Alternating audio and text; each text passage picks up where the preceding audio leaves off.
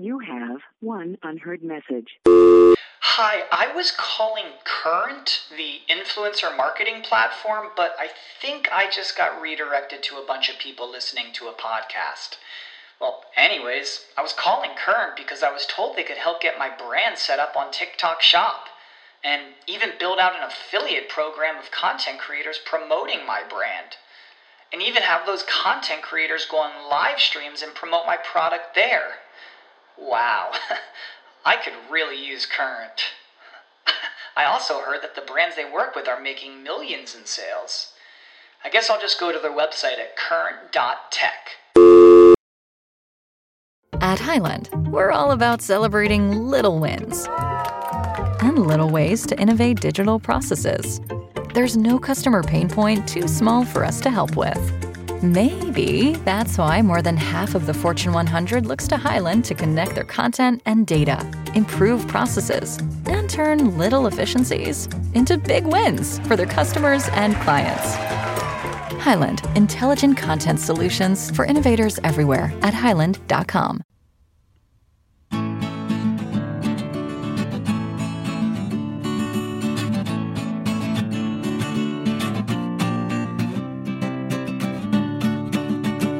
Welkom beste luisteraars bij een nieuwe aflevering van Historie en Mythologie. En vandaag, Karsten, gaan we eigenlijk helemaal niet zo ver terug in de tijd. Oh, niet? Nee, nee, want we hebben een gast en die gaat ons vertellen over een vrij recente geschiedenis. Jiminy, welkom. Hallo. Jij uh, bent nogal een, uh, een Pokémon-fan, dat is uh, eigenlijk wat, we, wat we meestal Oh. bespreken met jou.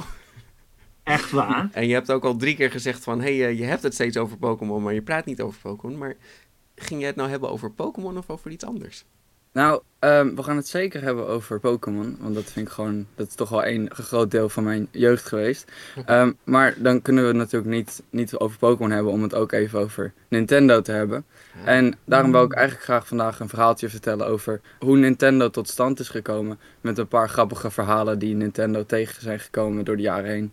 Oeh. Ja, want Nintendo is natuurlijk, eh, ze maken ja, videogames, daar kennen we ze van. En zij zijn niet de bedenker van de videogames, toch? Dat is wel ouder.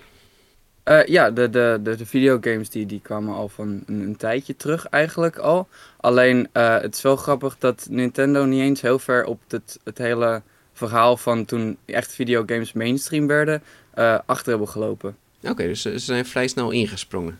Ja, En wat deden ze dan voordat ze videogames maakten?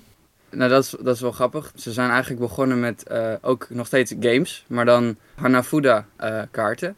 en een, een soort collab met Walt Disney, dat ze Walt Disney Hanafuda kaarten maakt. Oeh, wat zijn Hanafuda kaarten? Eh Hanafuda kaart is een Aziatisch kaartspel waarbij je combinaties moet maken met kaarten. En als je een bepaalde combinatie maakt, krijg je meer punten voor. En zo moet je eigenlijk je tegenstander verslaan door reeksen van punten te scoren. En als je reeks stopt, dan kan de tegenstander zeg maar punten scoren door ook reeksen te maken met kaarten die ze spelen. Het klinkt een beetje als blackjack of poker of zo. Nou, dan hoor je gelijk wat mijn kennis van blackjack en Hmm. poker is. Maar eh, daarmee moet je ook allerlei combinaties maken om je tegenstander te verslaan. Um, Moet ik het meer zien als Magic the Gathering of zo? Eh, nee, het is wel een, een redelijke vergelijking, maar het, het, het is als het goed is meer eh, dat je kaarten in je handen hebt die je speelt. En de kaarten die je in je handen hebt, speel je aan de hand van de kaarten die al op tafel liggen. Waarbij je dus reeksen kan afmaken die op tafel liggen. Het is meer een soort rummy cup eigenlijk. Oh, Oh, dus, dus, dus Yu-Gi-Oh! maakt wel sens. In a way. Oh, opeens begint het een stuk eh, ehm, eh, meer sens te maken dan als je de, eh, de serie zelf ziet. Ik heb niet heel veel Yu-Gi-Oh! gekeken, maar ik snapte het nooit. En nu snap ik waarom ik het niet snapte. Ik wist niet dat Hanna-Fuda-kaarten een ding waren. En zij waren dan niet de enige die dat maakten? Zij hadden dan een specifieke deal met Disney? Ja, volgens mij. Ik weet niet of er meer mensen waren die een, een afspraak hebben gemaakt met Disney. Nee. Maar de, de, de, eigenlijk de founder van Nintendo, die was dus begonnen als Hanafuda eh, kaartmaker. Oké, oké. En wie was er dan, die founder? Nou, ik wil het heel graag zelf oplezen, maar ik denk dat het helemaal fout gaat. Oh, Fusajiro Yamauchi. Nou, dat was de, de maker van Nintendo. En eerst heette het, het bedrijfje dus eigenlijk ook gewoon naar zijn naam. En later heeft het eigenlijk pas zijn naam Nintendo gekregen. Oh, dus het heet eerst Yamauchi? Ja, en volgens mij werd het daarna Yamauchi Nintendo. Oké, En-. Daarna is het verkort naar gewoon Nintendo. Oké, dan even de, de hamvraag. Wat, wat betekent Nintendo? Ja, dat, ik, ik wist dat die vraag eraan zat te komen. En ik heb het ik heb proberen te vinden. Maar het grappige is dat er eigenlijk geen echte vertaling is naar wat, wat Nintendo nou precies betekent. Maar er zijn mensen die, die denken dat het betekent Leave Luck to Heaven. Oké. Oké. Omdat ze gewoon een soort karakters hebben gekozen, hè, Japanse karakters, en die dan achter elkaar hebben gezet tot iets wat grappig klinkt. Eh, dat, dat, ik, ik weet het eigenlijk Ja, niet. bijzonder, Ik, bijzonder. Hm. Nintendo. het was gewoon uit thin air. Poef, en toen was Nintendo was bedacht. Het is wel voor de meeste mensen uitspreekbaar. Het is, het is wat dat betreft goed gekozen. En Yamauchi, dat Ja. is natuurlijk wel een ingewikkeldere naam. Ja, en eh, de, de, de kaartenmaker is begonnen in 1959 al met zijn, zijn speelkaart. Oh, Hm. wauw. Oké. En Ja. pas eigenlijk in 1989 ehm, zijn ze eh, erkend als, als Nintendo eigen bedrijf voor games maken. Maar daarvoor heette het al Nintendo, maar deden ze andere dingen. Hm, oké, Hmm. oké. Want ze zijn eh, toen, toen het bedrijf begonnen is als de Hanafuda eh, kaartmaker en zo, zijn ze eh, op zich waren ze wel succesvol. Maar dat werd in één keer een, een, een soort, soort, soort flop. En toen stortten ze echt neer met, Hmm. ehm, met wat ze aan het doen waren. En het grappige is, daarna zijn ze overgegaan naar een instant rice eh, bedrijf. Een taxibedrijf hadden ze. Ze hadden een love hotels. En ehm, ze zijn ook de, de, de wapenbusiness ingegaan. Nou, niet helemaal. Maar eh, ze hebben de beamgun gemaakt. En dat is een, een, een speelgoedtoy waarmee ze Ah. lasers kunnen schieten. Oké, oké. Speelt. Oké. En- Ja, en dan, en dan nu de vraag. Wat, weten jullie waarvoor de beamgun wie zijn, zijn kleinzoon is geworden? Ja, dat zou natuurlijk de Nintendo Zapper zijn geworden. Ja, de Hmm. NES Zapper. Dat is, de, dat is de, Oh. de kleinzoon van de beamgun die ze in de tijd hebben gemaakt dat ze eigenlijk nog geen eh, games maakten. Ja, voor iedereen die heel oud is, als je Duck Hunt hebt gespeeld, dan heb je zo'n Zapper gebruikt. Oh, dat is zo'n oranje. s- eh, Ja, ja. Oh, oranje wauw. Pistooltje echt. En dat is trouwens heel innovatief hoe ze dat hebben gemaakt. Want hoe registreer je dat de Zapper ook daadwerkelijk het eentje schiet op het scherm? Ik heb geen idee. Ja, want er zat geen laser bovenop de tv. Het werkte alleen met een tv en gewoon die zapper. Dus Ja. dat is wel bijzonder. Eh, vaak hebben ze nu inderdaad infrarood. Eh, en bij de Wii heb je bijvoorbeeld infrarood sensoren. Dus hoe, hoe werkte de zapper dan? Nou, het, het, het grappige is dat ze het eigenlijk heel slim hebben gemaakt. Want je hebt de, de Duck Hunt game speelt. En op de achtergrond is er dus een registratieprogrammaatje. Dat registreert wanneer de speler schiet. Dan wordt het hele scherm wordt zwart. Behalve het vierkantje over de eend. Die wordt wit. En dan zit er een soort kokertje in de zapper. Waar een lichtsensortje achter zit. En die is eh, best wel sensitive. Eh, dus op het moment dat hij dan richting het witte vierkantje kijkt, registreert hij, er is een wit vierkantje. En dan heeft hij dus de eend daadwerkelijk geraakt. Wauw, oké. Dus hij checkt, zit ik in het zwarte vak, zit ik in het witte vak? En dan inderdaad, is het raak of is het niet raak? Wauw. Ja. dat is, eh, maar werkt dat dan nog steeds met moderne tv's? Of alleen met die oude tv's? Eh, als het goed is, werkt het nog steeds met de moderne tv's. Want het enige wat hij registreert is of er wit licht Ja. in de koker komt. Oké, Hmm, bijzonder. Wauw. Daarom kon je ook de hoogste scores halen. Want als je de zapper richting een lamp mikte en dan gewoon bleef klikken, raakte je oneindig alle eenden. Dat- vreselijk. Wauw. Mm. Dat klinkt echt als speedrun tactics. Gewoon alle eh, exploitable eh, dingen gebruiken. Mhm. Ja, dat, dat waren wel een beetje de, de leuke dingen die aan het begin waren. Daarna kregen we eigenlijk een best wel een snelle, snelle pace van wanneer dingen uitkwamen en eh, dingen die ze hebben gemaakt. Want eh, ze hebben de eerste, hebben ze de, de, de me, hoe? Megana Fox. De Magnavox Odyssey. En dat was een, een, een, gewoon een, een spelcomputer. En die kon eigenlijk niet zo heel veel. Maar dat, dat was gewoon een simpele spellen stonden erop. En toen vijf jaar later, in 1977, hebben ze een, een collaboration gemaakt met Mitsubishi. Hebben ze de Color TV Game 6 uitgebracht. Nintendo en Mitsubishi? Dat is wel gaaf. Ja, en de Game 6, de 6 staat dan voor de hoeveelheid games die je erop kon spelen. Oh, wauw. Mooi. Mooi. Hm. Ehm, en als het goed is, kwam later kwam ook de, de Donkey Kong en Mario Brothers eh, uit. Ja, dus dat is niet Mario Bros die de meesten kennen, maar dat is dat je in, die, in het riool zit hè, en dat je Hm. schildpadden moet eh ommappen. Opmaken. Ja. het, is, het is niet dat klassieke spel dat je naar opzij loopt en over dingen heen moet. eh, eh, of eigenlijk in die open wereld. Het is echt in is het riool. Eén scherm, je zit in het riool. Als je links van het scherm loopt, kom je rechts er weer uit. Ja. Ehm, Cool. en, en daarna kwam in 1980 kwam de eh Game Watch uit. Oh ja, dat zijn die Hmm. handheld dingen. Ja, en eh, later daarop kwam de, eh, de, de- eigenlijk de Game Watch Dual. En dat was dan een twee-screened Game Wauw. Watch. Want wat is beter dan één Mhm. scherm? Twee schermen. Twee Yeah. yeah. Ik raden waar de DS vandaan komt. Ja. Wat? Maar dit is dus allemaal nog voor de Game Boy en de, de Nintendo. Dus de Ja. Nintendo Entertainment System. Dit zijn allemaal nog testjes of zo. Hebben deze dan succes? Eh, nou, dat is dus het grappige. Eigenlijk eh, wil ik nu een, eh, een heel mooi verhaal vertellen over wat er gebeurd is met de Game Watch en een levende legende hemzelf. maar eerst even een, een leuk vraagje, want waarom heet het eigenlijk een Game Watch? Ehm, nou, je kan natuurlijk gamen en je kan filmpjes kijken. Niet helemaal. Nee, dat zou niet echt... nee.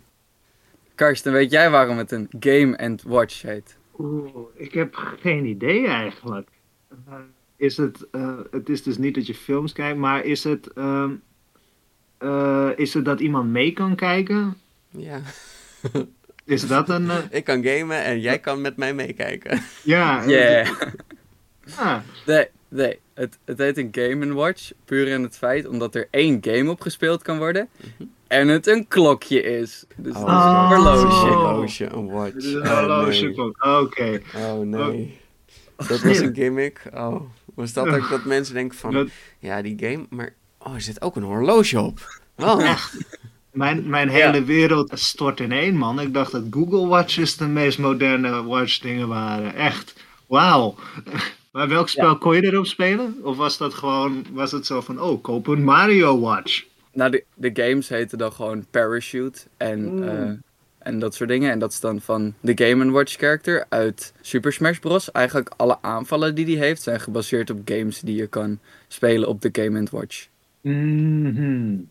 ja. Gaaf. Het was bijvoorbeeld eh, jong leren. Dus dan vallen er balletjes naar beneden. En dan moet je, moet je ze opvangen op het juiste moment. Een hele, hele simpele spelletjes zijn het, hè? Eh, ja. Yes.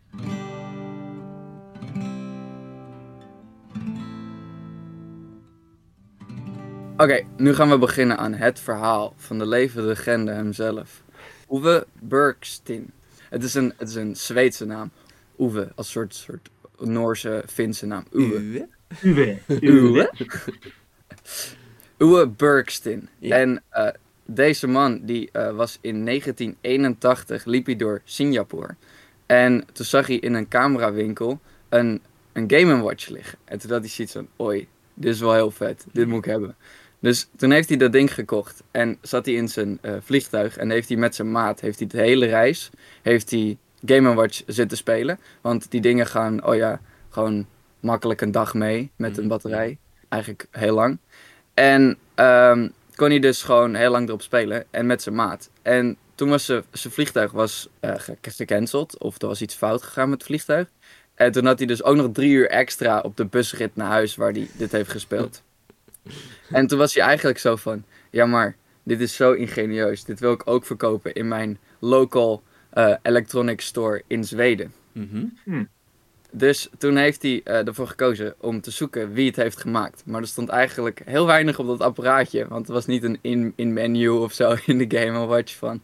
joh, nou, door deze mensen is het gemaakt en de credits zien en zo. Dat was er allemaal niet. Wauw. Ehm, En googlen was ook Dus- nog niet een ding, dus ja. Nee. nee, nee, dat is ook het, het grappige. Die communicatie in die tijd was gewoon heel, heel zwaar. Omdat het gewoon... Je, je kon eigenlijk bijna niet communiceren op die manier. Ja. Dus het enige wat hij had was, was Nintendo als, als reference point. ja. ja. Mhm. En toen heeft hij dus naar ehm, een communicatiebureau gebeld in, eh, in Japan. En die hebben hem dus een, een idee gegeven, een, of een, een ID, waar hij dus een, een fax naartoe kon sturen. Mm. En eigenlijk was die fax was de grootste leugen die in de geschiedenis van Nintendo uitgepakt is tot het grote bedrijf dat Nintendo nu is. Oké. En door deze leugen is dus eigenlijk Nintendo zo succesvol geweest in eh, Europa en vooral in Scandinavië.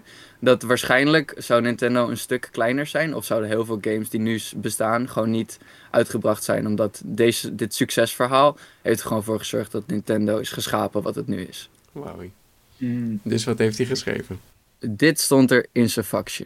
We have had the pleasure to see and test your game RC04 and some others under our latest trip to Southeast Asia. We have not seen your products in Sweden. We are very interested in being your agent here. Regards, Uwe Bergsten, Bergsala Trading Co. Ltd. Sweden. Wauw, dus hij zegt eigenlijk gewoon van... We hebben je product gezien en we zijn hier ontzettend eh, geïnteresseerd in.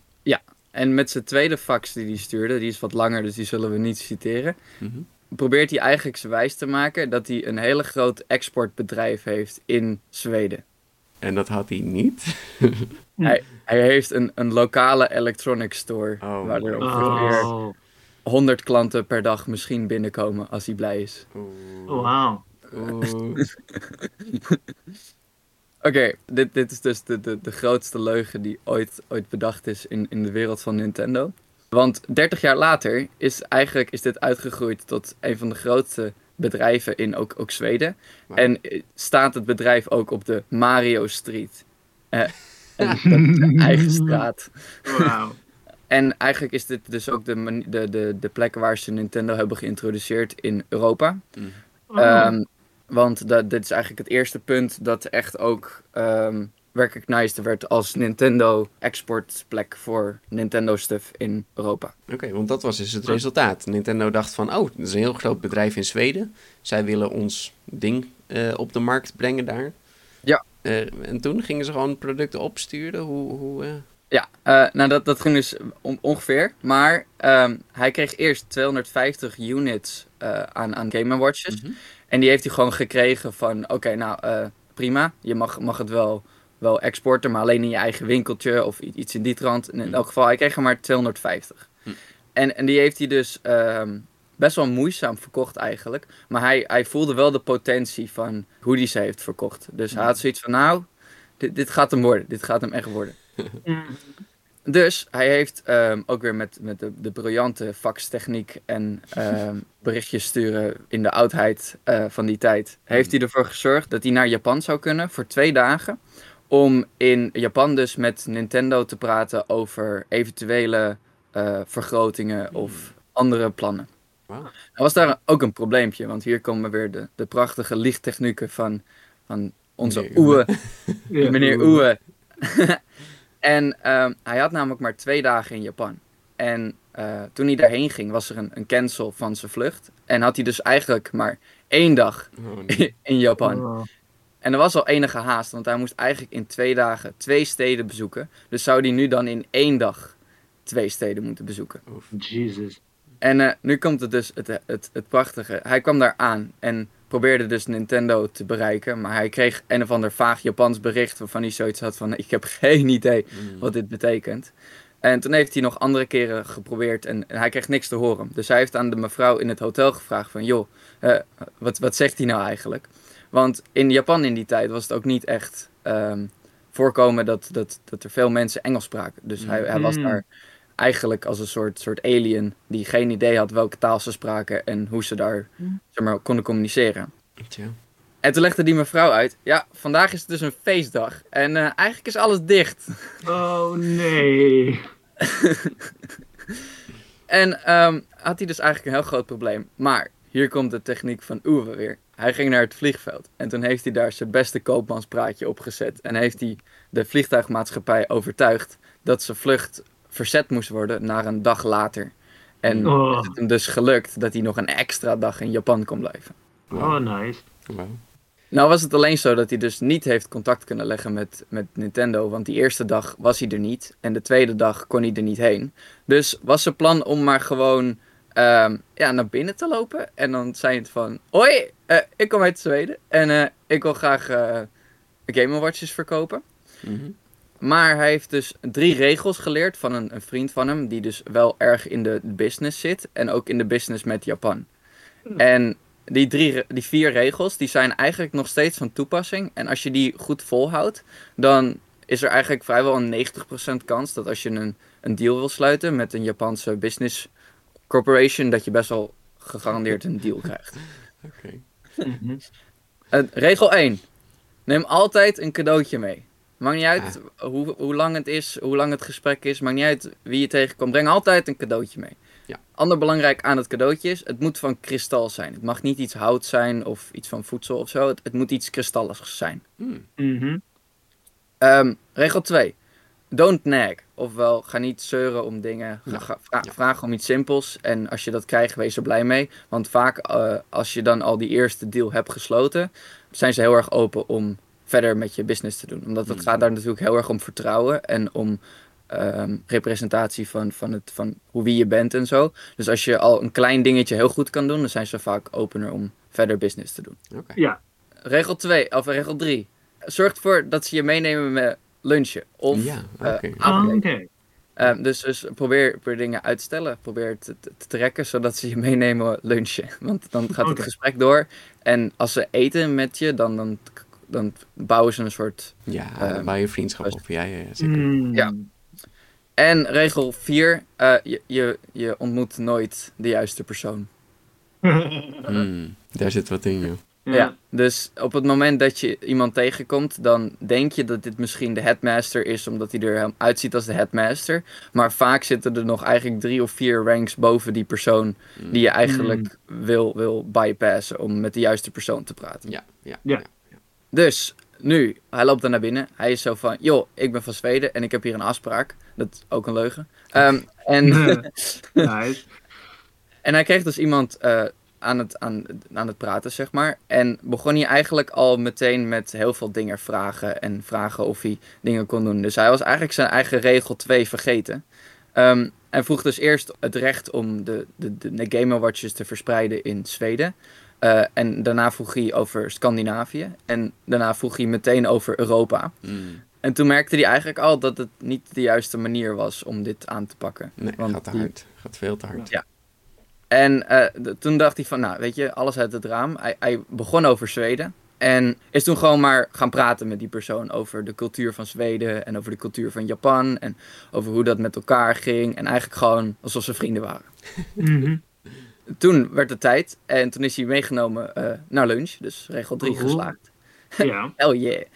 En eh, dat is eigenlijk uitgelopen tot een, een drie uur lange lunch. Die eigenlijk uitliep in een soort avondeten. Waarbij ze allebei zoveel gesopen hebben. dat ze de volgende ochtend vrij weinig hebben onthouden. van wat ze nou precies allemaal hebben besproken. Maar Wauw. toen hij vaarwel zei. heeft hij het kristallen cadeautje. een asbak gegeven aan die meneer.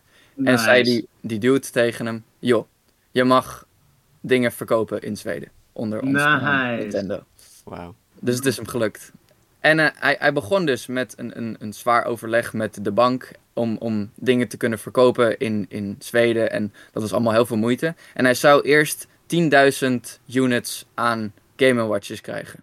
Hmm. Maar ik denk dat je al, inziet dat 10.000 units verkopen als een local electronics store die al Ja. moeite had om 250 te verkopen, Ja, dat dat al lastig zou gaan. Hmm. En eh, omdat het natuurlijk Uwe Burstein is, Ja, vertel, hoe heeft hij het gepland? heeft hij ook nog eens 30.000 units besteld. En niet 10.000 Oh. units. Big big. Ehm, Ja, en omdat het zo'n hit was, en eigenlijk is er al een beetje lopende reclame geweest door die 250 units, Hmm. heeft hij ehm, op een gegeven moment in drie maanden tijd 180.000 units verkocht in Zweden. In Zweden? Ja. En om, om dat even in perspectief te brengen, ze hadden een, een target age. Eh, op het moment dat ze dus die dingen gingen verkopen in Zweden, waren er 1,7 ehm, miljoen mensen in Zweden. En hun target age groep was van 5 tot 12 en voornamelijk alleen jongens. Ja. Mhm. Ehm, als, je, als je quick math doet, betekent dat dat elk kind in een target age groep 5 van hun Game Watches had. Wauw. Dat is, Arme eh, ouders. Ja. Nou was het wel zo, hè? één Game Watch eh, was anders dan de andere. Dus je, had- je had, als je een ander Ja. spel wilde spelen, dan moest je ook een nieuwe unit kopen. Ja, dat klopt. Ja, daarom hadden ze er ook vijf. Want je, wat heb je nou aan 5DS? En nou, Ja, niet zoveel. in de Game Watch is dat logisch. Maar toen op een gegeven moment eh, waren de Game Watches eigenlijk totaal niet meer interessant. En, en viel het eigenlijk een beetje in de soep. Maar omdat het natuurlijk Uwe Bergstein is, Mm. heeft hij daar ook weer een plan voor. Want eh, precies op dat moment eh, ging hij dus ook naar Japan weer om dingen te bespreken met Nintendo. En heeft de Nintendo de, de Famicom aan ze laten zien. En daar kom ik zo meteen nog even op terug wat, wa- wie en wat de Famicom is. Kort gezegd, het is de, de, de NES voor Japan. Hmm. Oh ja. En, en hij is waarschijnlijk ook de eerste westerse persoon die de eerste Super Mario heeft, heeft meegemaakt en gezien. Ooit. Oh, wauw. En eh, hij, hij kreeg dus eerst niet het recht om de Famicom te verkopen in Europa. Omdat Japan eigenlijk een beetje huiverig was over de verkoop eh, dingen in, in eh, Europa. Ze waren bang dat het niet ging verkopen. Omdat precies op dat moment was de, de Atari was in Japan een, een superhit. Maar in Europa was de Atari echt best wel garbage verkocht. Hmm. Ja, dat, dat is wel gek. Hè? Die, die verschillen zie je nog steeds wel in, eh, in sommige landen. Waar de PlayStation dan weer populairder is of de Xbox dan weer populairder is. Ja, soms Ja. is het niet duidelijk waar dat aan ligt. Ja, dus, dus dat was, Ni- Nintendo was er best wel van, hmm, eh, gaan we dat doen, gaan we het niet doen, gaan we het wel doen. En eh, omdat eigenlijk ehm, hij Uwe Bergstein is natuurlijk, kreeg hij het voor elkaar dus dat Nintendo uiteindelijk toch eh, toegaf en zei, ja, je krijgt eh, zoveel units van de Famicom en die kan je verkopen in Europa. Hm. Maar, eh, omdat alleen Zweden geïnteresseerd was en omdat Uwe Bergstein Uwe Bergstein is, Mhm. eh, Mhm. maakte eh, Nintendo een speciale NES eigenlijk voor Europa. eh, die hij, hij mocht verkopen en alleen hij. En natuurlijk was dat een gigantisch groot succes eh, door Uwe Bergstein. En eh, is, is het hem toch gewoon gelukt om die, al die dingen te verkopen. En hij is dus nog steeds vrienden met alle mensen in, in Japan. En hij is dus ook begonnen met een Nintendo Club op te zetten in die tijd in, ehm, in Zweden. En dat heeft er eigenlijk voor gezorgd dat, omdat er een, een club magazine was, ehm, die kinderen gingen lezen. En 5% van de bevolking van, van Zweden deel was van zijn club. 5%, Wauw. Oh, ja. heel Zweden. Mhm. Eh, gingen alle kinderen naar alle winkels in eigenlijk Zweden om te vragen van... Hé, is deze game al uit? Hé, is deze game al uit? Waardoor eigenlijk de, de speelgoedwinkels geforceerd werden om handel te drijven met onze vriend Uwe. Ja. En hij dus eigenlijk een, een gigantische, succesvolle businessman is geworden. Wauw. En eh, om, om even de, de kers op de taart, om het verhaaltje van Uwe af te sluiten. Er zijn eigenlijk momenteel twee bedrijven Nintendo. En dat is het bedrijf van Uwe in Scandinavië. En het bedrijf Nintendo over de rest van de wereld. Ja, oké. Dus dat is wel grappig dat, dat Uwe nu dus zijn eigen Nintendo heeft in heel Scandinavië. En de rest van Europa eigenlijk wordt bediend door Nintendo Japan. Oké. Wauw, bijzonder Wauw. zeg. hey, dat had helemaal verkeerd af kunnen lopen dat hij gewoon eh, met zoveel eh, van die units in zijn garage staat. Mhm. Ja. Eh, nee, het is ook wel grappig, dat museum dat hij erbij heeft. Dat, ehm, daar heeft hij allemaal van die, van die units en dingen die hij heeft verkocht. En daar was ook een foto gemaakt van hem die like, zwemt in Game Watches. Mhm. Eh, dus dat is om even te laten zien, hey, ik heb er wel 30.000 gekocht. Ja. Eh, Ja. En ehm, het, het leuke is, als je aan Uwe vraagt om het verhaal te vertellen, dan is hij altijd van, joh, wil je het, het verhaal? Wil je het echte verhaal? Of wil je het mooie verhaal? Omdat hij er be- onbekend staat dat hij dus alles bij elkaar sjoemelt en, Ja. en liegt eigenlijk, eh, Ja. is, hij, is hij supergoed in zijn eigen verhaal vertellen. Mooi, mooi. Mm. Ja, dus die, Ja. die Game Watch was dan eigenlijk wel een beetje de, de game doorbraak van Nintendo. En daarna de Famicom, wat dus in hier de Nintendo Entertainment System, de NES heet. Ja. Dat ging dan ook, werd ook succesvol? Ja, nou de, de Famicom kwam dus uit in, eh, in, in Japan eerst. En alleen in Japan. Mhm. En vervolgens is dus de NES in, eh, in, in 1985 ook uitgekomen in Europa. Mhm. Eh, drie jaar later eigenlijk ongeveer. Ehm, en het leuke is van de NES dat die tot 2003 is hij nog steeds verkocht in Japan. En heeft hij dus ook het record van het langst verkochte eh, console ter wereld. Wauw, ja. Nice. Waarom is dat Ehm, gestopt eigenlijk? Ja, dat, omdat ehm, f- eh, een paar jaar later, ehm, het- dus het wa- was zeg maar niet meer interessant, de, Mm. de, de NES, maar de, de beste games staan eigenlijk vrijwel nog op de NES. De, games die Nintendo heeft geschapen wat Nintendo is. Eh, zoals de eerste Donkey Kong, echte eerste Donkey Kong. Wat overigens officieel de eerste platformer is die ooit gemaakt is. En de, de, de oude eh, Mario Bros natuurlijk. En eh The Legend of Zelda en zo. Die zijn allemaal begonnen. Eh, Final Fantasy op, op die NES. Ehm, en later, daar kom ik zo meteen nog wel eventjes op terug. Was er dus ook een, een NES eh, Mini gemaakt in, geloof ergens in 2016. Ah, oké. Eh, dus, en, en dat was eigenlijk gewoon een NES met ingebouwde 23 spellen. Die je er gewoon op kan spelen. Ja, en een HDMI-kabel, want dat is makkelijker voor tv's tegenwoordig. Ja, inderdaad. een, een NES met een HDMI-kabel. het, is, het is wel zo'n HDMI-poort aan de achterkant. Ja. Maar het grappige is dus dat hij wel doet alsof hij nog steeds een oude NES is. Maar inderdaad aan de achterkant high-tech poort zit. Hebt van, poort. Voor die Ja. echte kwaliteit, hè, dat je echt die graphics krijgt. Ehm, toen in, in 1989 kwam de, de Game Boy uit. En eigenlijk bijna vrijwel tien jaar later kwam de Game Boy Color pas uit. En die hebben met z'n tweeën hebben ze 120 miljoen units verkocht. Ja, de Game Boy Eh, was echt razend populair, hè? Ja, die Dat was, dat was namelijk verkocht. je van het en was, was, was de shit, zeg maar. Ja. Ja. En eh, alle iteraties van de Game Boy die eigenlijk op elkaar kwamen, van de Game Boy Color tot de Game Boy Light. Eh, want de Game Boy Light had eigenlijk een dubbele benaming. Want het was de Game Boy Light omdat die lichter was. Hmm. Maar het was ook de Game Boy Light omdat er een ingebouwd lichtje in zat dat ervoor Oh. zorgde dat je je scherp kon zien. Oh, dat is zo fijn inderdaad. Want ehm, dat weten mensen misschien niet, maar als je een Game Boy had en je zat in de zon, nou dan zag je niks. Nee. Ehm, je moest echt zo in de schaduw gaan zitten, maar ja, ook er, zat, er komt niet echt licht uit. Dus het is soms heel moeilijk te zien. Eigenlijk wilde je gewoon. Je kon ook een lamp kopen voor je, voor je Game Boy, een Ja. opzetlampje of een vergrootglas. Het, het was allemaal heel primitief. Ja, wel, wel, wel grappig op zich dat je het niet buiten kan spelen, want er is er te veel licht. Maar Ja. als je het in het donker binnen gaat spelen, dan zie je eigenlijk ook nog steeds niks. Nee, nee je wil gewoon in je, in je kamer met een, gewoon een, een oké lamp en dan kun je gewoon goed spelen. Ja. Eigenlijk is het buiten niet echt te doen. nee. Toen in 1991 kwam de, eh, dus de, de, de, de Super NES uit, de, de SNES. Oh ja. Ehm, en ehm, ook de, de Super Famicom, alleen in Japan. Mm. Ja, heette die daar nog steeds een Famicom? Ja, gek Alleen in Japan. En dat was wel grappig, want dit, dit was weer het geval dat hij eerst in Japan uitkwam en daarna pas in eh, de rest van de wereld. Maar in de rest van de wereld was het het entertainment system. Mhm. En in Japan was het de familiecomputer, de Famicom. Oh, Famicom. Hm. Had, het, had, het, had het verder nog iets te maken met... eh, waarom is het een entertainment system, niet een game system?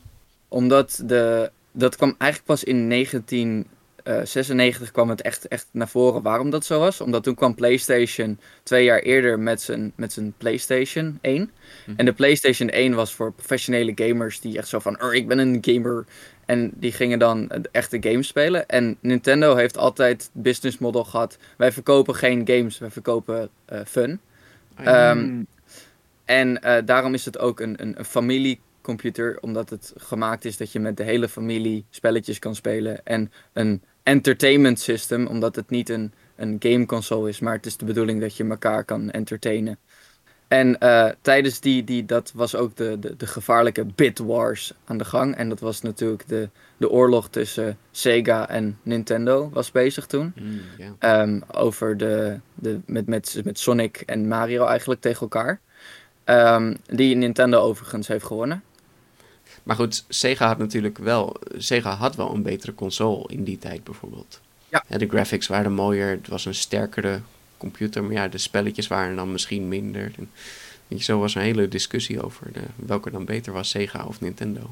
Ja, klopt. En daarbij kwam ook dat de Nintendo dus de business model had dat het voor families oogt. Dus ouders waren meer geneigd om een Nintendo te kopen dan een Sega. Hmm, Ja, ja, slim.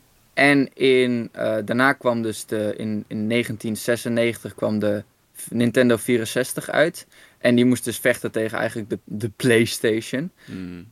En eh, de PlayStation was wel veel meer verkocht. Ehm, maar de Nintendo 64 hield nog wel zijn eer betonen aan het feit dat het dus voor, voor, voor dus de familie gefocust is. Dus dat, dat is zeg maar hetgene wat eigenlijk Nintendo altijd drijvende heeft gehouden. Is dat het nooit gefocust was om echt te gaan voor de high graphics en de super advanced gameplay. Maar voor Smash Brothers om tegen je vrienden te spelen met Zelda, Mario en Pokémon om elkaar Ja. te vers- verslaan, zeg maar. Ja, nou ja, het ziet er wel kindvriendelijker uit, de hoop van die spellen. Dat, dat is zeker waar. In eh, 2001 kwam de Game Boy Advanced uit. Eh, En dat was dus Oh. gewoon onze Game Boy, hoe we hem kennen als vierkante blok, maar ook Ja. als de horizontale variant, zeg maar. Want je had toen, de, toen gaan, gingen de knoppen aan de zijkant zitten in plaats van eronder. En eh, toen kwam er ook de, de, de Game Boy eh, Advanced Lite, heet die geloof ik. In elk geval, toen kon je hem ook dichtklappen. En Ja. de- Ja, was dat Dat- kerste? Dat was de shit. Ja, nou, ik weet nog, je kon hem ook met tattoos kopen. Wauw. Oh, ja, ja, ja. Ja, dat was eigenlijk de eerste speelgoedreclame die ik, eh, die ik me altijd zal herinneren. Ik had een zilver en die kon je dan openklappen. En dan kon je ook Game Boy Color eh, spellen inspelen. klopt. Ja. En het, het, het, het, het mooie van dit apparaat was dat het het eerste apparaat was met een accu. Ja, ja, altijd in de accu. ja, en eh, want de Game Boy eh, Advanced in de eer- eerste, eerste iteratie had gewoon twee dikke batterijen achterin die je erin moest stoppen en moest vervangen. En dit was dus de eerste console die ook daadwerkelijk een, een, een oplaadkabel had. Ja, wat handig. Eh, in dezelfde tijd kwam de Gamecube uit. Dus dat, dat was ook een eh, wel grappig apparaat. Want het was namelijk een Gamecube die niet vierkant was. Eh, want het is er meer een soort, een soort balk. Want het is niet, hij is niet echt vierkant. Nee, hij zou iets hoger moeten zijn dan. Ja. Ja, nou, nou is het wel grappig, want daar hebben ze over nagedacht. Want er is een, een extension die je naar de onderkant kan ploppen van je, van je Gamecube. Waardoor die dus hoger wordt. En waardoor die dus meer een echte kubus is. Maar die krijg je er niet bij als je hem koopt. Ah, oké, Mm. Beetje Van alles kun je geld verdienen. Ja, maar dat was, die zorgde ervoor dat er bijvoorbeeld eh, dat je connecten kon met internet en eh, andere dingen er ook op kon spelen, zoals de extensie die aan de onderkant stopt. Die zorgde ervoor dat je er Game Boy games in kon stoppen, waardoor je dus Ah, de, ja, op je tv op de. Gamecube. Ja. Ja. En, en dat was dus wel grappig, want dat is dan eigenlijk een beetje het idee van, van de Switch, dat je dus de on-the-go games ook op de tv kan spelen. ja, ja, ja, inderdaad. Ja, dat, want dat is wel, dat is wel vaak in, bij Nintendo. Ze hadden een goed idee eerst en dat is dus later weer teruggekomen. Eh, introducing de Nintendo DS. Want daar kwam de dual screen van de Game Watch weer naar voren. Mhm. En ehm, DS staat voor dual screen, maar eigenlijk ook voor developer system. Oh, Mm. Ja, en tot, tot de dag van vandaag is de Nintendo DS-lijn de meest verkochte console ooit. oh, echt waar, de DS is de allermeest verkochte console. Wauw, oké. Wow. Ehm, omdat ze gewoon, het, het was super appealing voor ouders. Hij was niet duur. Je kon er heel veel op spelen. Het ging een hele dag mee. En er zijn best wel veel iteraties in geweest in de Nintendo DS, de DS Lite, de DSi, de DSi XL. En de, de 3DS die komt eigenlijk in zijn eigen categorie, omdat daar kwamen, eh toen kwam de 3D-functie Hmm. naar voren. Ik weet ook nog wel dat je had er zo'n pennetje bij bij de DS. En eh, er werden heel veel eh, eh, leerspelletjes en zo. eh eh, Ja, werden toen, eh, en... eh. Maar ook je had echt zo'n leer, eh, of een, eh, ja, hier word je echt slimmer van programma. Dus ik denk dat dat ook wel. ja, mee- Dr. Kawashima Brain Training Ja. is dat. Ja, volgens mij die ja. Kijk, ik heb zelf nooit een DS gehad, want ik had nog de, eh, de Advanced en daar was ik helemaal blij mee. Ah, oké. had zoiets van, ja, je hebt al een Game Boy, we gaan door totdat die dood is. Ja, en helaas ja. was de DS eigenlijk al uit toen mijn Advanced doodging.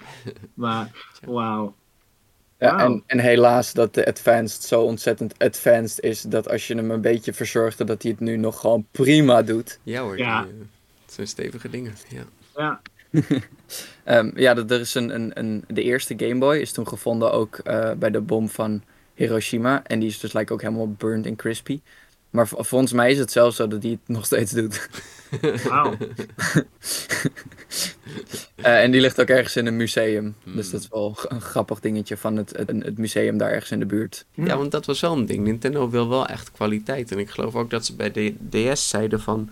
Ja, je moet hem in ieder geval wel kunnen laten vallen zonder dat hij stuk gaat. Dus daar is er best wel veel moeite met, dat, met het ontwikkelen van zo'n ding. Ja. Alleen maar omdat ze willen gewoon dat het die kwaliteit heeft. Ja.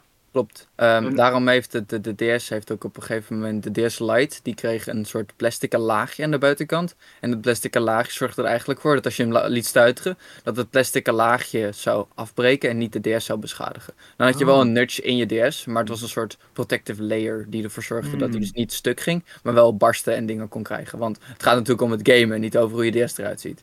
Ja. In 2006 kwam de, eh, de Wii uit.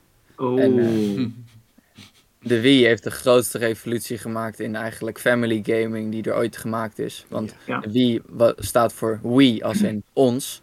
En was dus daarom ook gemaakt voor alle age groups die een controller in hun handen kunnen houden.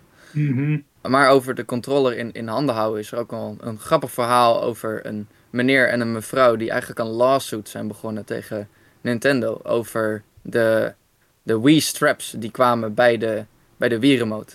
Mm. Ja, want het was zo, je hebt natuurlijk een soort ja, afstandsbediening in je handen. En eh, dan kreeg je een soort bandje die je om je pols kon doen, toch? Eh, nou, zij noemden het een, een, een, plastic missile eh, in plaats van een. Mhm. Ja. Eh, en dat, dat kwam dus omdat in de, de advertenties van de, ehm, de Nintendo eigenlijk werden gezegd van eh, sla met je hard content, eh, doe, doe gewoon alsof je echt aan het tennissen bent. Mhm. Ehm, maar het probleem daarmee was dat als je al een half uurtje aan het spelen was en actief bezig was, dat je nogal sweaty hands kreeg. Ehm, Mhm. En er dus voorvallen kwamen van mensen die of niet de strap goed omdeden, of de strap ehm, brak dus, volgens hun. En de, de controller als een plastic missile de tv inschoot, de- een Wauw. muur inschoot of een persoon zou raken. Wauw. Tja. Nou, ik heb flink lopen tennis hoor, maar dat is me echt Ja. nog nooit gebeurd, sorry. Als je een, een plastic Wii Remote een, een muur in kan gooien, dan doe je volgens mij zelf wel heel eh, actief van het tennissen, denk ik. Tja, tja. Ja, daar, daar had een, onze Gordon Jackson een ander idee over. Ehm, Oh, is hij toevallig Amerikaans? Dat eh, weet ik, ja, volgens mij wel. Want het is een, ook een, advo- eh, een Amerikaans bedrijf dat de, de lawsuit is begonnen. Mm, wauw. Ehm, samen met onze Gordon Ja- Jackson, die dus een eigen website heeft opgezet. eh We Damage. En We Damage is opgericht om mensen bij elkaar te verzamelen die eh, damage kregen bij hun. vanwege de, de Wii-remote. Door mensen in een gezicht te slaan. De, de Wii-remote door de tv te gooien. De Wii-remote door het raam te gooien. In elk geval, het kwam allemaal neer op dat eigenlijk de, de Wii-remote een super cool apparaat was. Maar eigenlijk een van de meest dodelijke wapens op aarde. Wat een Ja. legacy. Ja. En eh, hij is dus begonnen met een, eh, de, de, die website. En die website kreeg al heel veel aanmeldingen nadat de Wii uitkwam. En op het moment dat de Wii uitkwam en ehm, hij dus die, die website op heeft gezet, ehm, eh, is hij dus daarna ook begonnen met een, een lawsuit met drie advocaten tegen Nintendo. Die dus heel lang gaande is geweest, omdat Nintendo eigenlijk zoiets had van, ja maar we hebben alles getest en het, het werkt gewoon. En zij heilig waren overtuigd dat het eigenlijk niet zo hoorde te werken. Want de touwtjes braken, eh, hij schoot uit je handen, eh, iets in die trant. En de eerste oplossing van Nintendo was een mailtje naar iedereen die een, een Wii had gekocht. Oh. En in dat mailtje stond zeg maar, eh, was je handen. Nou ja, er werd ook altijd in spellen, werd, zag je altijd een schermpje van pas op dat je niet eh, een vaas om hebt en eh, zorg dat je goed je strap om hebt en zo. Er waren altijd, altijd van, die, van die veiligheidsdingen. Terwijl voorheen heb ik nog nooit veiligheidsdingen gezien in videogames. Weet je wel, dat je zegt, zit wel goed rechtop of zo. Ja. Ja, pas op je rug.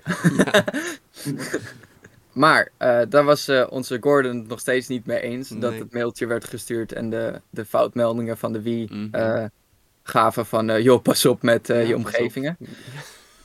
Dus hij ging verder en heeft er eigenlijk Nintendo eh, geforceerd om een extra strap uit te brengen. Die ze naar 3,2 miljoen mensen hebben laten verschepen, die allemaal dus ook een Wii hadden. Dat heeft Hmm. Nintendo bakken met geld gekost. Maar toen kregen ze dus een, eigenlijk een triple zo dik touwtje voor de, de Wii-strap.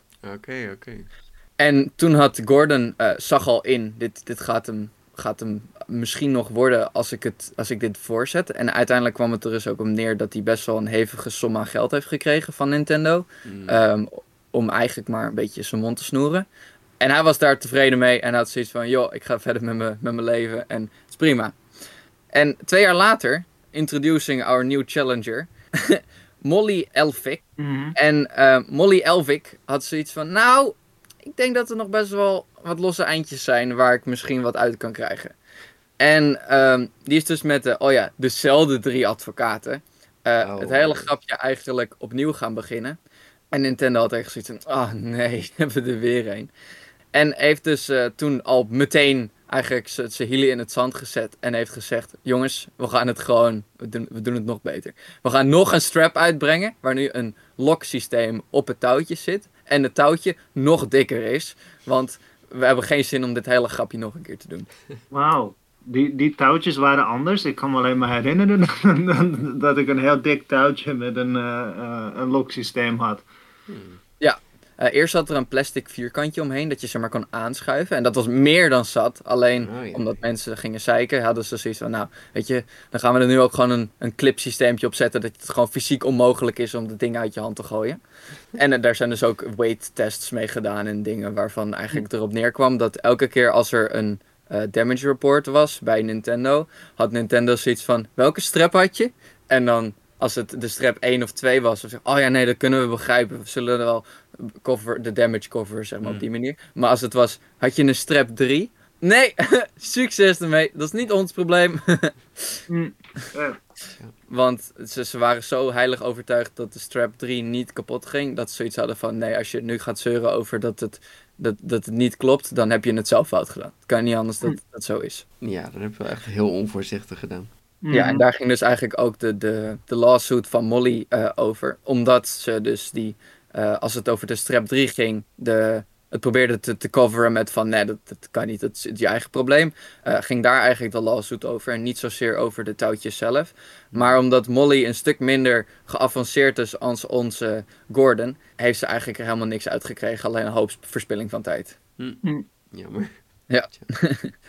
En eh, over dit hele verhaal gesproken kwam ik, eh, laatst was er een Nintendo Direct. En dat is een, een soort streaming ding dat Nintendo doet als er nieuwe releases zijn. En dan brengen ze live alle nieuwe dingen uit die er aankomen of uit gaan komen of zijn uitgekomen. Mhm. En ze zijn dus nu bezig met een nieuwe Wii Sports eh, game die binnenkort Oh, uitkomt. En daar, daar vond ik dus ook wel grappig dat ze daar zeiden van, in plaats van je kan zo hard slaan als je zelf wil, dat ze erin hadden gezegd van, je kan voorzichtig slaan en doe voorzichtig met je Joy-Cons, want je moet voorzichtig doen met je Joy-Cons. Ja, ja, ja. Ze zijn nu in eh, 2022 nog steeds een beetje voorzichtig met, met Van alle alles. dingen. Ja, met alles. Ja. Mhm. ja. Nou ja, wie weet dat we, dat we straks nog een paar lawsuits hebben over deze Switch tennis game. Ah, Eh, en nu is het eigenlijk al, waarschijnlijk zal de rest van de dingen die ehm, nu zullen uitkomen, dat is dan in 2011 de Nintendo 3DS, de 3DS XL in 2012, 2013 de 2DS. Dat was wel revolutionair, want de 2DS was gewoon een 3DS die je niet kon dichtklappen.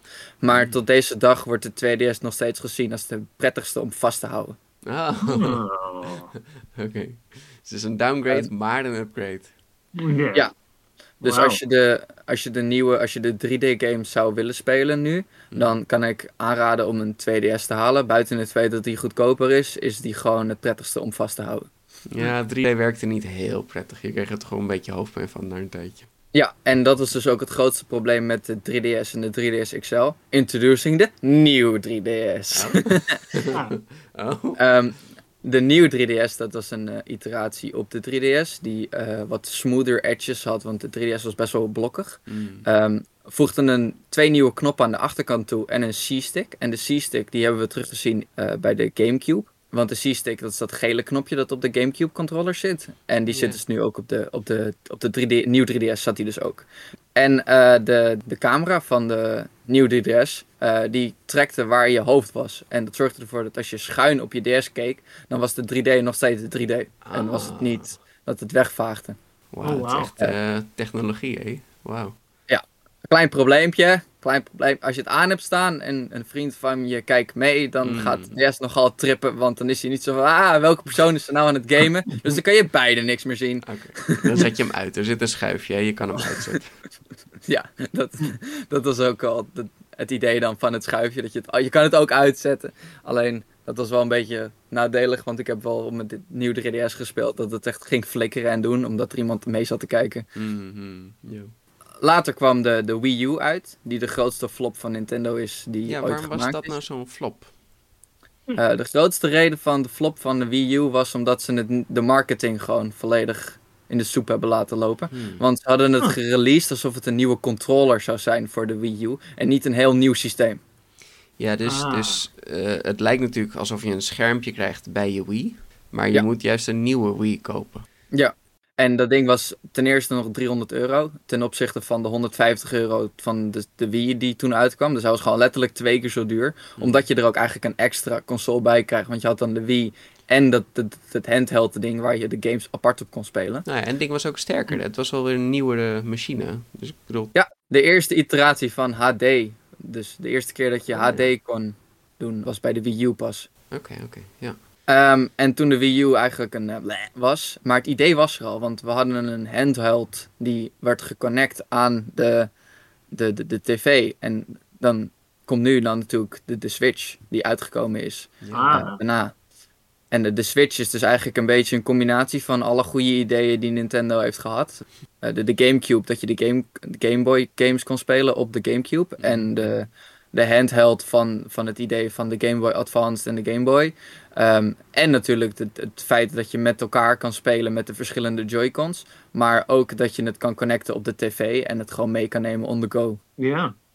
ja, het is toch wel een slim ding eigenlijk. Hebben ze hier dan met de Switch, hebben ze nu wel succes? Eh, ze, hebben- ze hebben meer dan succes, wil ik wel eigenlijk zeggen. Want de Switch is toen uitgekomen en dat heeft gewoon het hele eh, gaming gerevolutioneerd met het feit dat het nu zoveel meer mensen gewoon access krijgen eh, aan gaming. Want eerst Mm. was het, je moet een DS hebben, maar dan, dan heb je een DS on the go. En dan kun je het eigenlijk minder thuis spelen. En, eh, maar je kan ook thuis een console kopen en had je een Playstation of een Xbox. Maar nu is dus de Switch is eigenlijk een combinatie van de DS en de Wii, wil ik wel zeggen. Omdat je hem on the go mee kan nemen. Maar het is ook nog steeds gewoon een home console met gewoon een redelijk goede processor waar je gewoon vette games op kan spelen. Ja, dus eigenlijk wat wel zo is, er zit nu een nieuw ding aan te komen, dat is dat cloud gaming. Dan kun je dus inderdaad gewoon je spel spelen op je PlayStation en dan verder spelen op je telefoon. Ja, maar we, we kennen Nintendo nu ook een beetje. Die heeft ook heel veel slimme dingen gemaakt. Dus ik denk dat daar wel over nagedacht wordt dat, dat Nintendo dat ook krijgt. Ja. Ehm, Hm. Want er is nu ook die Nintendo, bijvoorbeeld voor Pokémon. Eh, want nu komt, nu wil ik eigenlijk wel wat gaan vertellen zo over Pokémon. Ehm, Ah, yes. is, is natuurlijk Pokémon Go en ze hebben Pokémon Home gemaakt. En bij Pokémon Home kon je dus Pokémon Go, eh, Let's Go Pikachu en eh, Sword and Shield was eigenlijk een soort combinatie tussen de drie. Dat je Pokémons kon porten van A naar B. Oh, Hmm. oh. Nou zijn er een bepaalde manieren dat je dingen wel kan porten van de ene game naar de andere game, maar niet dan weer terug. Dus, Mhm. Maar dat weet ik niet precies, want ik heb het eigenlijk zelf nog nooit gebruikt. Maar er is samenwerking mogelijk. Dus, dus als je Pokémon Go speelt, dan kun je dat ook gebruiken in je andere spel. Dat is wel gaaf. Ja, klopt. Dat was ook de manier hoe je de, de Legendary Meltang kon krijgen, want je moest hem dan porten van A naar B. Oké. Ja, dat is wel grappig. En eh, nu is eigenlijk, zijn er nog twee consoles die uit zijn gekomen in de laatste eh, jaar. En dat zijn de, de Switch Lite die toen uitgekomen is. En dat is eigenlijk haalt hij het idee van dat je het op de tv kan spelen weg. Maar je hebt wel gewoon een on-the-go console die je niet met elkaar kan spelen. Maar je kan wel je eigen game spelen. Hm. En de Switch OLED die vorig jaar uitgekomen is. En de Switch OLED is gewoon de Switch. Maar dan heeft hij in de dock eindelijk een internetpoort. En Hm. eh, het scherm is, is een heel stuk beter dan Hm. wat het scherm is van de Switch op de normale Switch. Ah, Oh, oké. Ja, een OLED-scherm. Ja, ja. En het, het, het voordeel aan OLED is dus dat het, eh, het is veel, eh, veel meer mooie kleuren zitten er op het scherm. Eh, en het, de- als er een pixel uit wordt gezet, dan is de pixel uit, want er is geen backlight. Omdat elke individuele pixel heeft zijn eigen lampje eigenlijk. Hm. Waardoor het ook minder stroom kost. Ja.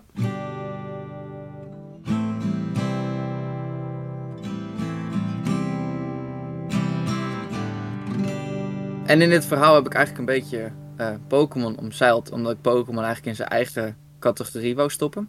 Pokémon is dus, is dus begonnen door twee gasten. Satoshi Tajiri en Ken Gugimori. Deze twee gasten hebben eh, samen eigenlijk het bedrijf Game Freak opgezet.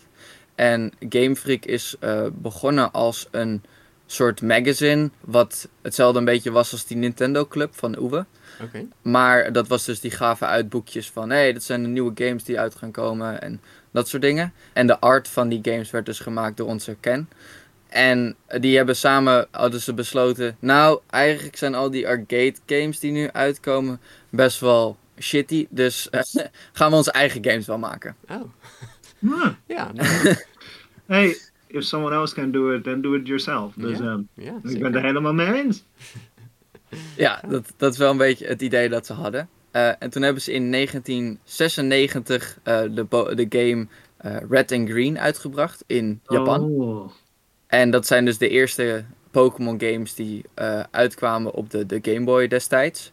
Ehm, en het idee van waarom Pokémon zo succes is geworden op de Game Boy... is omdat je die 151 Pokémons allemaal moest vangen. Want de catchphrase, you gotta catch them all. Ja. Ehm, ja, maar het probleem was dus als je Red had, dan kon je niet alle Pokémons vangen. En als je Green had, oh ja, dan kon je ook niet alle Pokémons vangen. Hmm. Want je had een linkkabeltje nodig tussen je Game Boys, zodat je Pokémons kon ruilen en tegen elkaar kon vechten. ja, dus je Oh. moet samenwerken. Ja, ja, ja. En dat was nog niet heel erg een ding. Het was wel een functie op de Game Boy, maar er zijn niet veel andere games die dat ook gebruikten op de Game Boy. En daarom was Pokémon ook zo'n zo'n bekend iets geworden, omdat het was van, oh ja, dan kunnen we samen, dan koop jij de ene game, koop ik de andere game, en dan gaan we tegen elkaar battelen. En dat was een beetje het idee van Pokémon. Nou ja, kijk, ik had dan een oudere broer. Als we dan een spel hadden, bijvoorbeeld het Mario-spel op de Game Boy. Ja, dan hadden we één Mario-spel. Want dan kon ik hem spelen en dan kon hij hem spelen. Maar van Pokémon hadden we twee games inderdaad. Want ja, had hij de ene en ik had de andere. Ja. Ehm, Slim. en eh, toen kwam er ook een Pokémon Blue uit. Want we hadden Red, Green en Blue. En dat zijn dan de drie starters van Pokémon. En eh, het was wel grappig, want die werd alleen in Japan uitgegeven door de mail. Eh, je, je kon hem alleen bestellen. Oh. En je kon hem niet echt in een winkel kopen. En je moest ook nog iets speciaals doen voor een, een magazine of zo. Dat je mee moest doen met een of andere giveaway. En dan, dat was de enige manier hoe je Pokémon Blue toen in die tijd in Japan kon krijgen. Hmm. En eh, toen is ook Pokémon Yellow uitgekomen. Want de, de anime was ook een ding Ja. toen. Ja. Die kwam net uit. En eh, toen de anime uitkwam was het wel van... Wow, dit is wel, dit is wel erg hype. Dus we gaan ook een ver- versie maken van Red, Green en Blue. Die dan Yellow heet. En dan krijg je dus de starter Pikachu. Ja, ja, want die was populair. Oh. Ja. En het, het grappige dus aan de anime is dat dat ook een iets is als een soort zombie. Dat dat nog steeds niet dood is. Want de, de anime is gestart toen de game uitkwam. En net zoals Pokémon is de anime nu nog steeds net zo succesvol als eigenlijk vroeger. Tja. En eh, er zijn een paar theorieën over waarom dat kan. Dat Ash nog steeds 10 jaar oud is. Ehm, Oh. Ja. Ah. Hij blijft nog steeds een jongetje, hij wordt niet ouder, Ja. nee. Terwijl we zijn Nee. al 13 seizoenen verder of zo. Eh, 19 zeg maar. Oh my gosh. 19 seizoenen van Pokémon.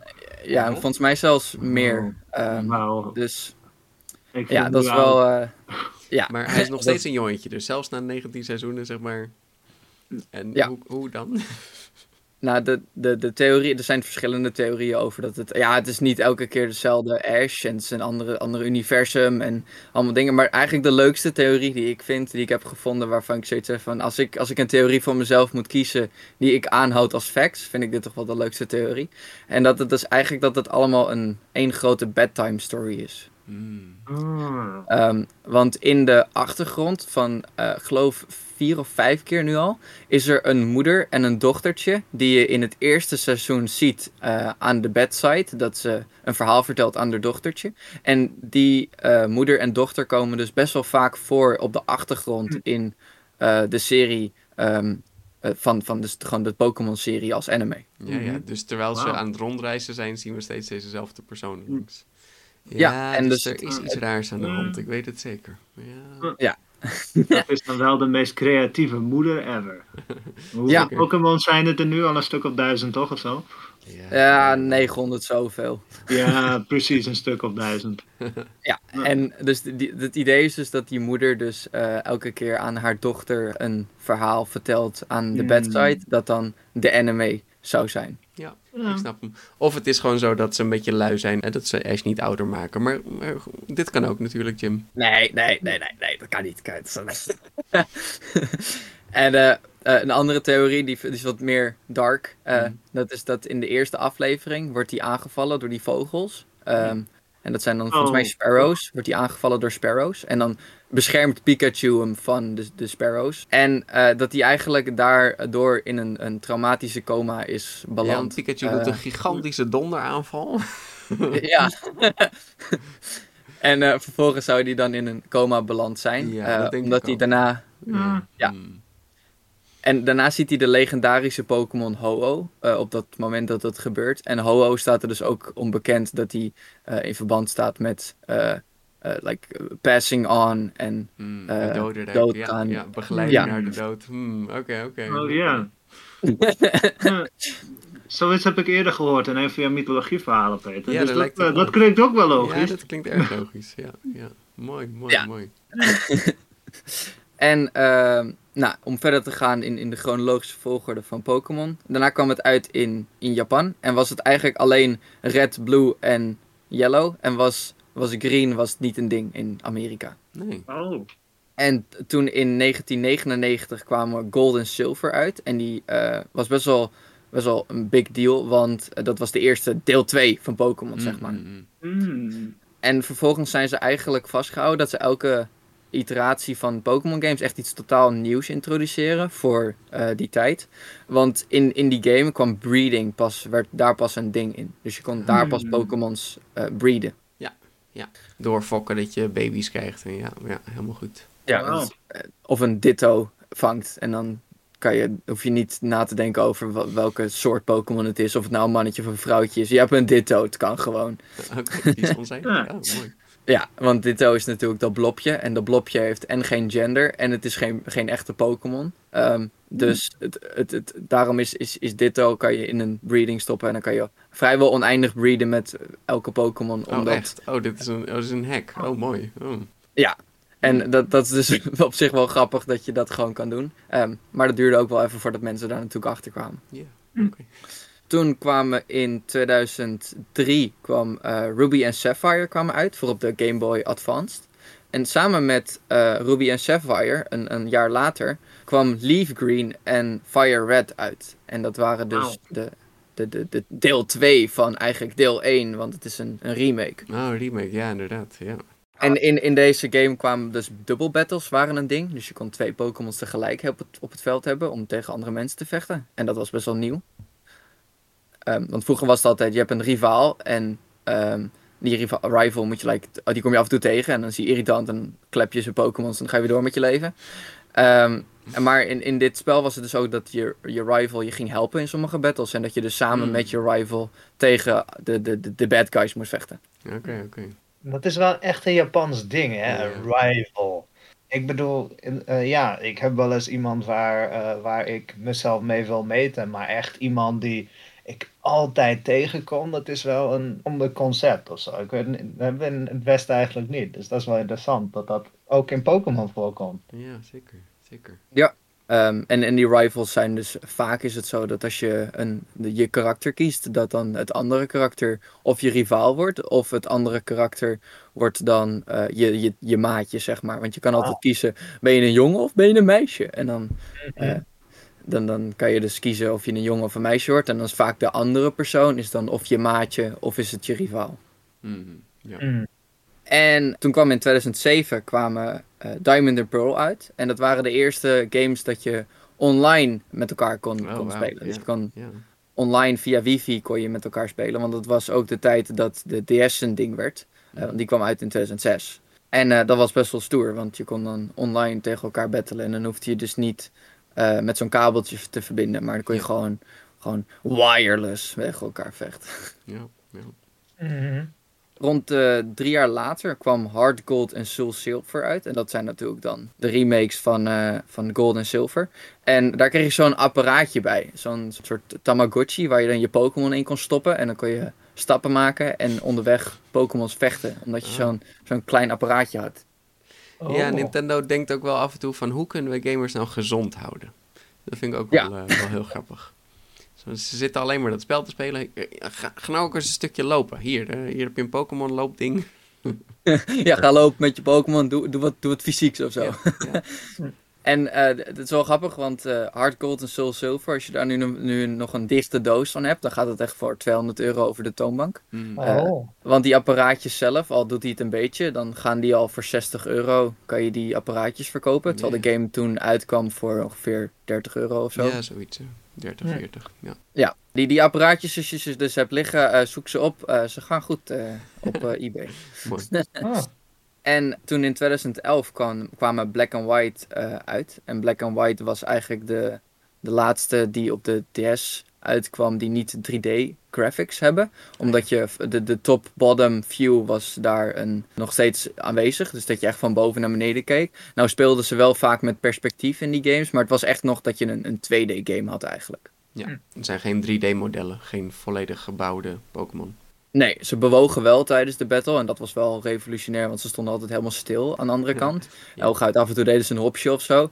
Maar in Black and White bewogen de Pokémons ook echt waar je tegen aan het vechten was. En eh, die introduceerde eh, triple battles en een soort draai battles. Waarbij je drie Pokémons had. En dan kon je ze like roleren terwijl ze aan het vechten waren. Hmm. Wauw. Ik, ik voel aankomen dat er een 4-battle komt. En uiteindelijk zit je met je hele team te battelen tegelijk.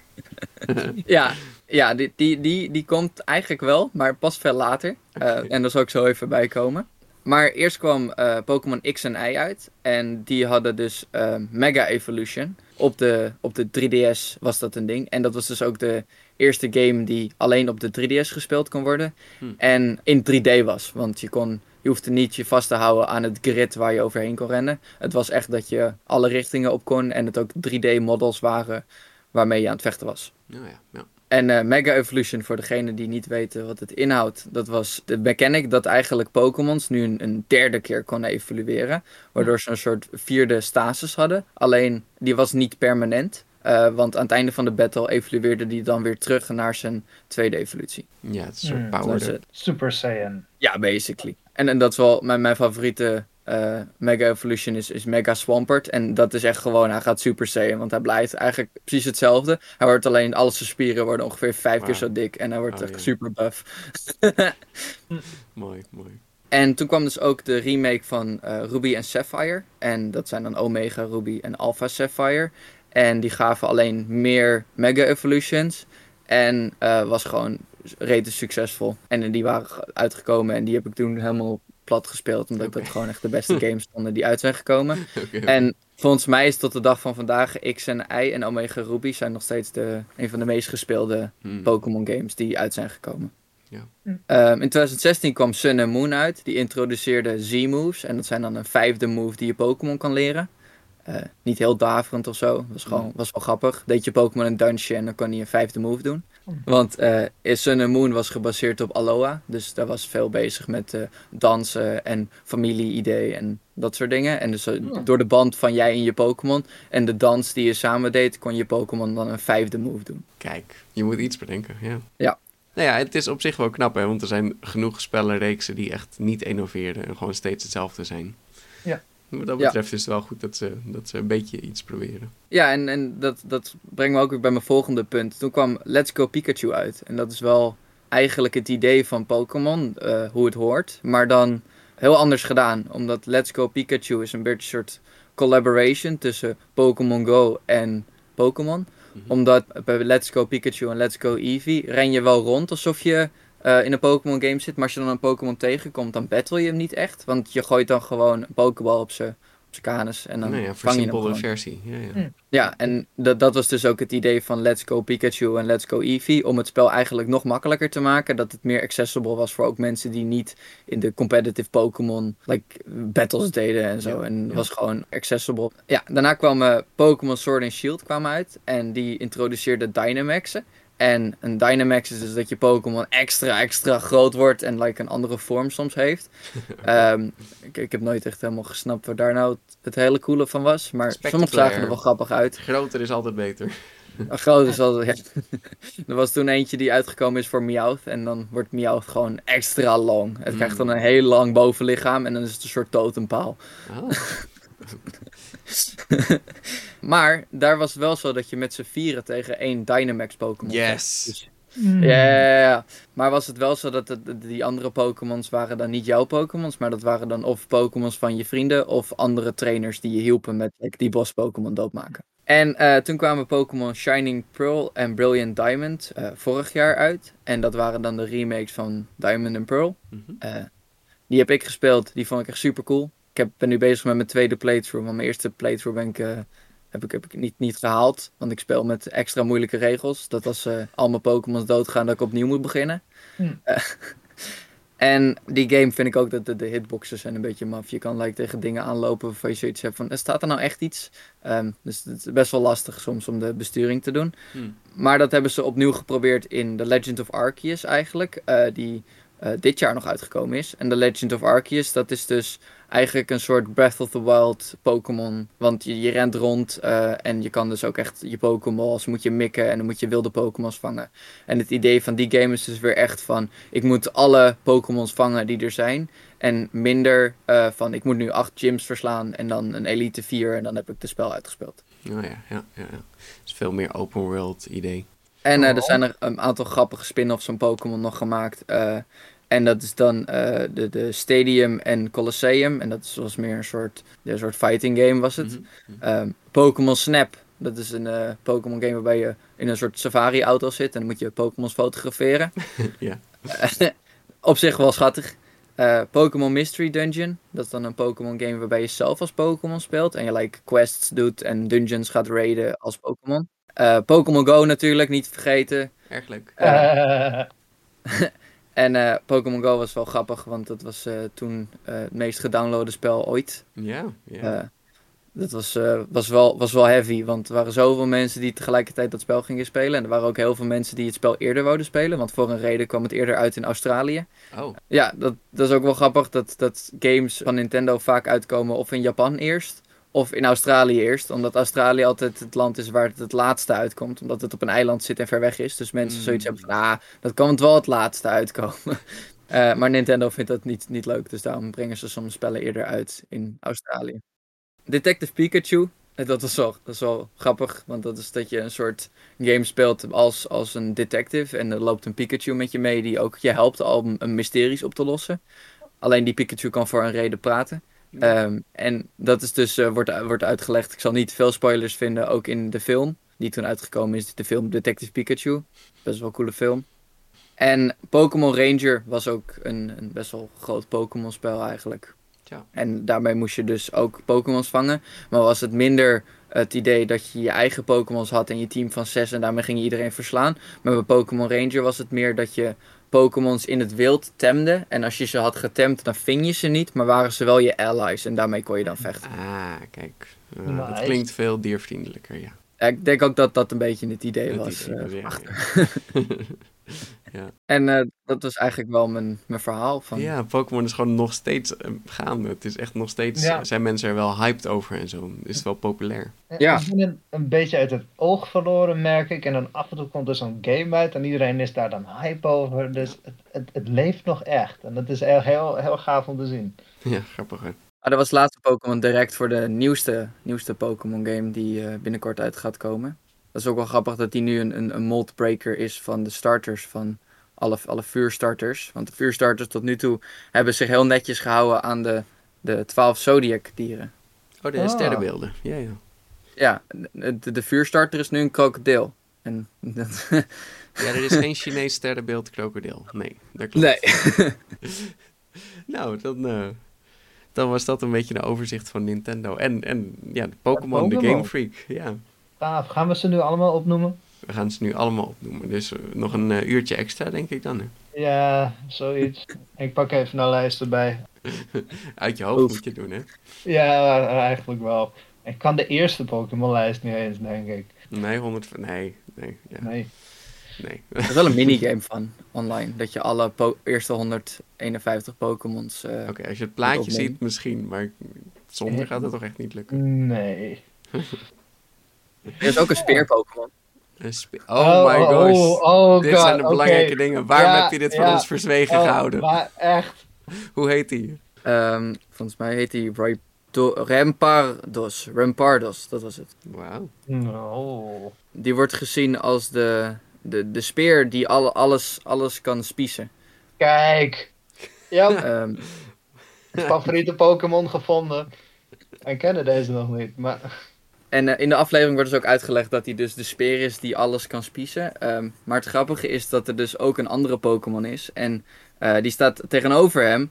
En eh, die heet geloof ik Bastridon of zo. En dat is dus de, de schild dat niet gebroken wordt. Dus dat is Oh, wel- wauw. Mm, Ja, wauw, ja. ja. Unstoppable force meets an immovable object. Kijk, dit is heerlijk. Dit zijn de, hier komen we voor, Jim. Dankjewel. Ja, de, de echt.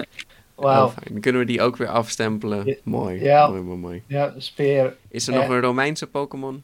Ehm, Romeinse Pokémon. Het is wel een soort Romein Pokémon.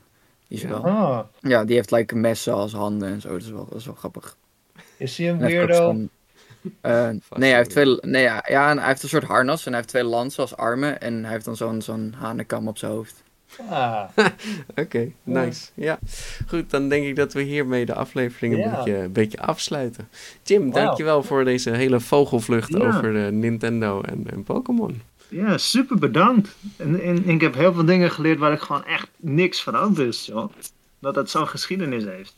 Ja. En eh, onze, onze nieuwe held Uwe, wauw, echt Ja, wat een gast. wauw. Wat een gast, mooi gedaan. Echt een vakman, man. ja. ja. Met zijn Electronic Store. Maar hij heeft het wel voor elkaar gekregen op een of andere manier, dus ja. Maar, maar de beste eh, eh, verhalen, dat zijn verhalen die gewoon echt gebeurd zijn. Waarvan je denkt, wat, Ja, hoe, hoe heb je dan? dat voor elkaar gekregen? ja. Ja. Erg mooi. Hey beste luisteraars, dank jullie wel en eh, tot de volgende keer. Hè. Yes. Ciao. Sayonara. Joejoe. Bye bye.